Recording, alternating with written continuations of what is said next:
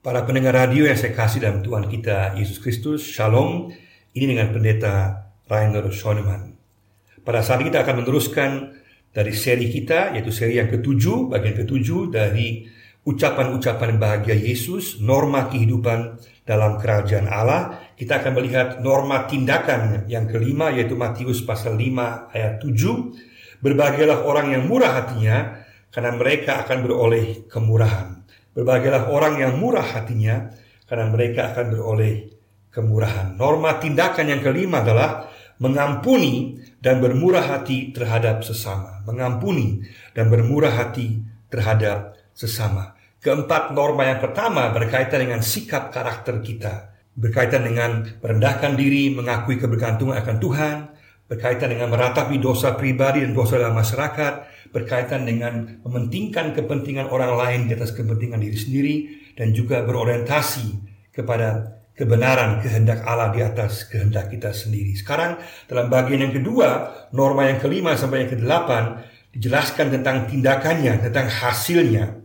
Dan sekarang kita lihat bahwa norma yang pertama ada kaitan dengan norma yang kelima yaitu mengakui kebergantungan akan Tuhan, merendahkan diri akan Tuhan, sekarang berkaitan dengan sikap mengampuni sebagai hasilnya, mengampuni dan bermurah hati kepada sesama. Bersikap murah hati berarti kita mengampuni dan bermurah hati, berbelas kasihan kepada orang lain.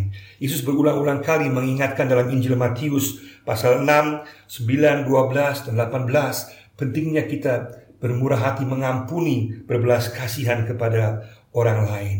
Dan artinya bukanlah demikian bahwa kita mengampuni supaya Tuhan mengampuni kita atau kita berbuat baik supaya Tuhan menerima kita. Bukan, itu sangat dangkal. Artinya jauh lebih dalam.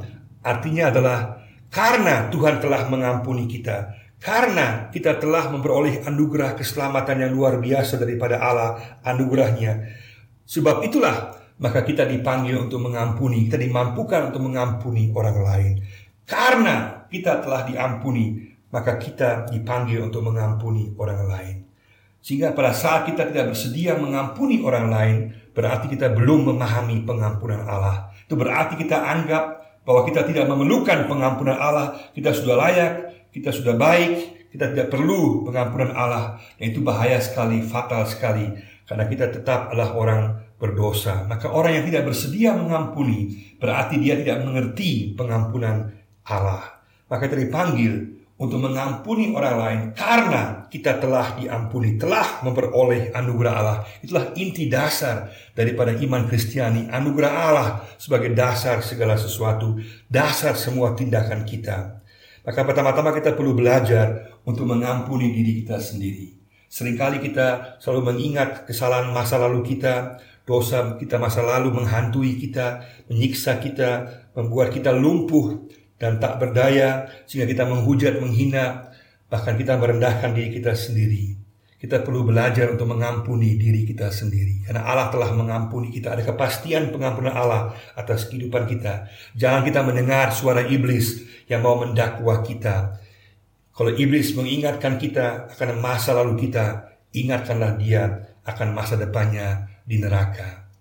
Tidak ada orang suci tanpa masa lalu dan tidak ada orang berdosa tanpa harapan. Kita mempunyai pengharapan karena Allah telah mengampuni kita. Pada saat kita memohon pengampunan kepadanya, datang kepadanya, maka Allah memberikan pengampunan kepada kita.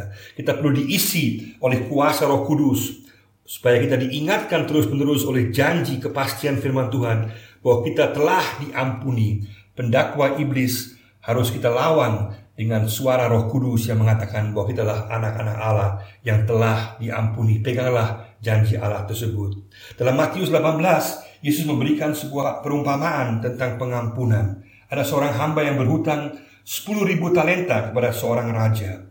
10 ribu talenta jumlah yang luar biasa besar jumlahnya karena satu talenta dulu sama dengan 6 ribu dinar.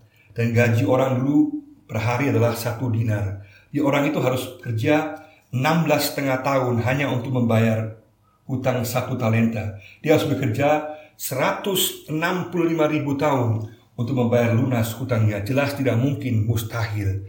Tapi yang luar biasa adalah bahwa sang raja itu kemudian menghapuskan hutang sang hamba itu. Dan itulah gambaran untuk Allah. Allah yang menghapuskan, melunasi, mengampuni dosa kita yang luar biasa besar jumlahnya yang tidak mungkin dapat kita bayarkan di hadapan Tuhan. Dia telah lunasi amazing grace, anugerah ajaib Allah yang menghapuskan dosa kita. Itulah dasar iman Kristen kita. Tapi bagaimana sikap hamba itu? Dia malah pergi menuntut hukuman bagi orang lain yang berhutang 100 dinar kepadanya. 100 dinar tidak ada artinya dibandingkan 10 ribu talenta. Tapi dia begitu keji dan akhirnya dia menuntut penghukuman. Akhirnya sang raja malah menghukum sang hamba itu karena dia tidak mengerti pengampunan yang telah diberikan kepadanya. Allah adalah Allah yang penuh anugerah. Jawaban yang tepat adalah bahwa kita mengampuni orang lain. Dan jangan kita lupa anugerah Allah juga berarti bahwa Allah juga akan menghukum orang-orang yang tidak bersedia untuk mau mengampuni. Bagaimana dengan kita? Apakah kita sungguh-sungguh masih menyimpan dosa orang lain, tidak bersedia mengakui dosa kita di hadapan Tuhan dan tidak bersedia mengampuni orang lain. Kita malah sering kali menyimpan, mencatat dosa-dosa pribadi orang lain dan kita tidak mau melupakannya. Kita tidak bersedia mengampuni orang lain. Apakah kita bersikap seperti hamba ini yang tidak bersedia mengampuni orang lain? Mari sama-sama kita meminta roh pengampunan agar Allah mengampuni kita, kita diampuni oleh Allah, dan kita mengampuni orang lain. Kalau kita lihat di sini bahwa kita sering kali juga menyimpan kesalahan orang-orang lain, kita catat, kita simpan, maka kita perlu memohon pengampunan. Tuhan, berikan saya roh pengampunan. Saya telah diampuni, saya sendiri sadar, saya sering kali gagal. Saya perlu dikuasai oleh roh kudus. Matius 7 ayat 7 dan 11 mengatakan kalau kita meminta maka Tuhan akan memberikan maka Roh Kudus akan menguasai kita, memampukan kita untuk mengampuni orang lain. Lukas 17 ayat 3 sampai 6 juga mengatakan bahwa tidak ada hal yang mustahil bagi Tuhan. Pengampunan tidaklah mustahil bagi Tuhan. Kalau kita meminta kuasa Tuhan, maka Tuhan akan memampukan kita untuk mengampuni orang lain. Kita perlu mengungkapkan perasaan kita secara jujur di hadapan Tuhan dan meminta supaya Roh Kudus menguasai kita, memampukan kita untuk mengampuni orang lain. Kalau kita tidak bersedia untuk mengampuni orang lain, berarti kita merugikan diri kita sendiri. Para ahli medis membuktikan bahwa orang yang dikuasai amarah, dendam, kebencian adalah sangat berbahaya bagi kesehatannya dan bahkan bisa mengakibatkan kematian. Dan juga dikabungkan dengan komplikasi penyakit yang lain bisa sangat kronis dan sangat membahayakan. Sikap mengampuni adalah benar di hadapan Allah dan juga merupakan upaya untuk menyehatkan tubuh kita. Dalam Yakobus pasal 5 ayat 16 dikatakan bahwa kalau kita mengakui dosa kita, menyelesaikan dosa kita, maka kita saling mengampuni, maka kita akan menjadi sehat. Sikap mengampuni menyehatkan kita, jiwa kita.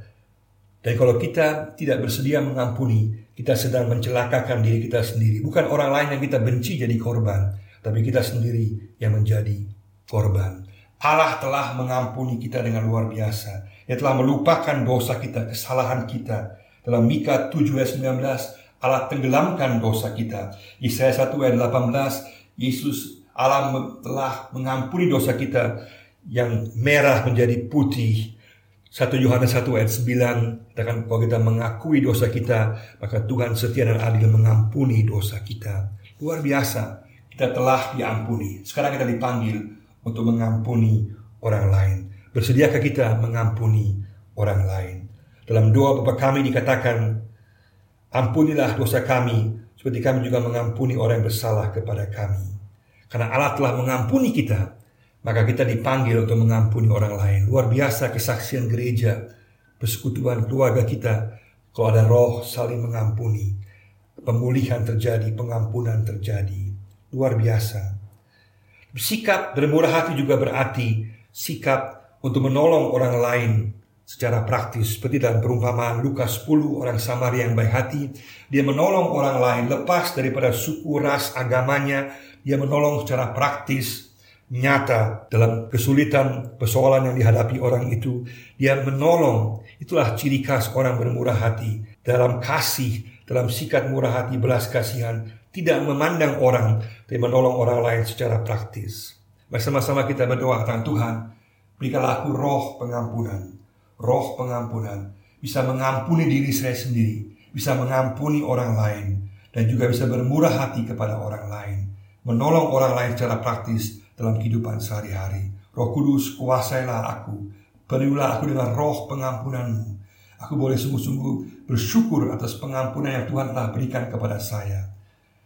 Boleh sungguh-sungguh menghargai anugerah keselamatan pengampunan pada saat kita mengakui dosa, Allah mengampuni kita, mensyukurinya. Sekaligus juga berikan aku roh pengampunan, roh mengasihi orang lain, mengampuni orang lain. Sekaligus juga roh untuk bermurah hati, berbelas kasihan, menolong orang lain yang membutuhkan pertolongan.